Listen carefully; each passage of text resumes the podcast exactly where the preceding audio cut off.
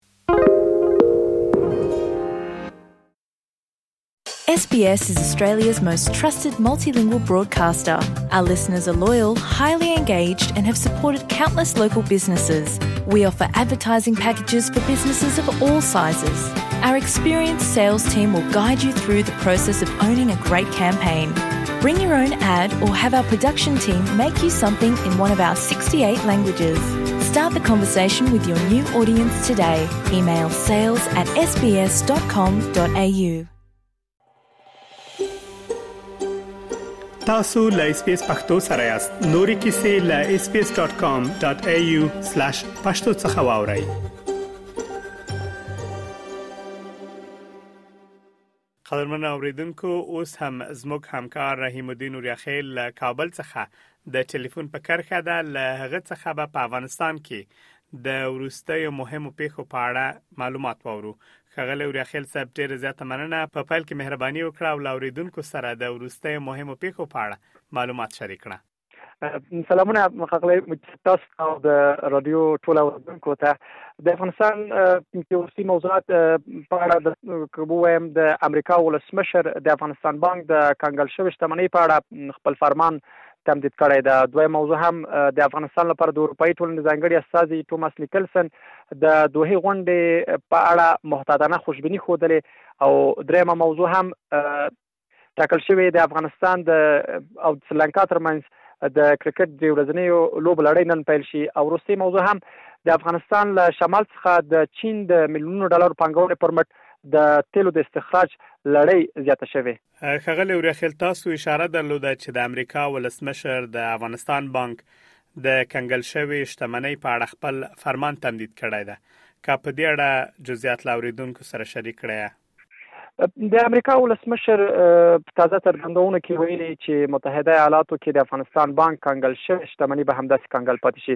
سپین ماڼۍ د یو اعلامیې له لارې د بایډن له قوله لیکلي ول چې د افغانستان بشري ناورین او له همدې امله د رامنځته شوي ګواښ په خاطر د دوه زره او دوه ویشت میلادي کال فرمان د دوه زره او څلور ویشت کال کې هم د اجرا وړ دی. بایډن د دوه زره او دوه ویشت کال د فبرورۍ پر یولسمه د افغانستان په اړه دغه فرمان صادر کړی و چې د شتمنۍ کنګل کېدل یې هم یوه برخه ده. بایډن هغه وخت ویلي وو د افغانستان د ځانګړو شتمنیو ساتل د دغو اضطراري حالاتو او د افغانستان د خلکو د نیکمرغۍ لپاره ډیر مهم دي او د امریکا مالي تاسیسات د افغانستان بانک دغه شتمني ساتي. پر افغانستان د طالبانو له بیا واکمنۍ وروسته امریکا د افغانستان بانک څه د پاسه نهه میلیارډه ډالر شتمنۍ له دې امله کانګړ کړه چې د طالبانو لاسونو ته ورنشي خو یو څه وخت وروسته بیا امریکا په افغانستان کې د بشري او اقتصادي ستونزو د حل لپاره د دې پیسو یو برخه چې درې اشاریه پنځه میلیارډه ډالر کېږي په سویس کې د افغانستان امانت صندوق ته انتقال اجازه ورکړه. اوریاخیل صاحب تاسو همداراز اشاره درلوده چې د افغانستان له شمال څخه د چین د میلیونونو ډالرو پانګونو پر مټ د تیلو استخراج لړۍ تیز شوې ده یا هم زیاتوالی پکې راغلی دی که مهرباني وکړئ په دې اړه هم له اوریدونکو سره ورستي جزئیات شریک کړئ خغلی منیب صاحب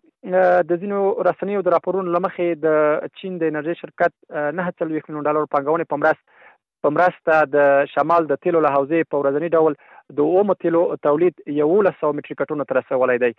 د هغې د هغه تړون له مخې چې کال وړاندې د طالبانو حکومت د چین د شنجین د مرکزي اسیا د پټرولیم او ګازو له شرکت سیپک سره د پنځه ویشت کلونو لپاره کړی، دا شرکت باید کال کې یو سلو پنځوس میلیونه ډالرو پانګونه وکړي او تر دوه زره او څلوېښت کال پورې باید د پانګونې اندازه پنځه سوه او څلوېښت میلیونه ډالرو ته ورسېږي.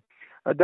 دغه رسنیو د راپورونو لمخې د طالبانو یو لوړپوړي چارواکي ورته ویلي چې دغه شرکت د موادو او ګارد لګښتونو د ناسم ارزونې او همدارنګه د افغانستان حکومت لخوا د مالی پلان په تصویب کې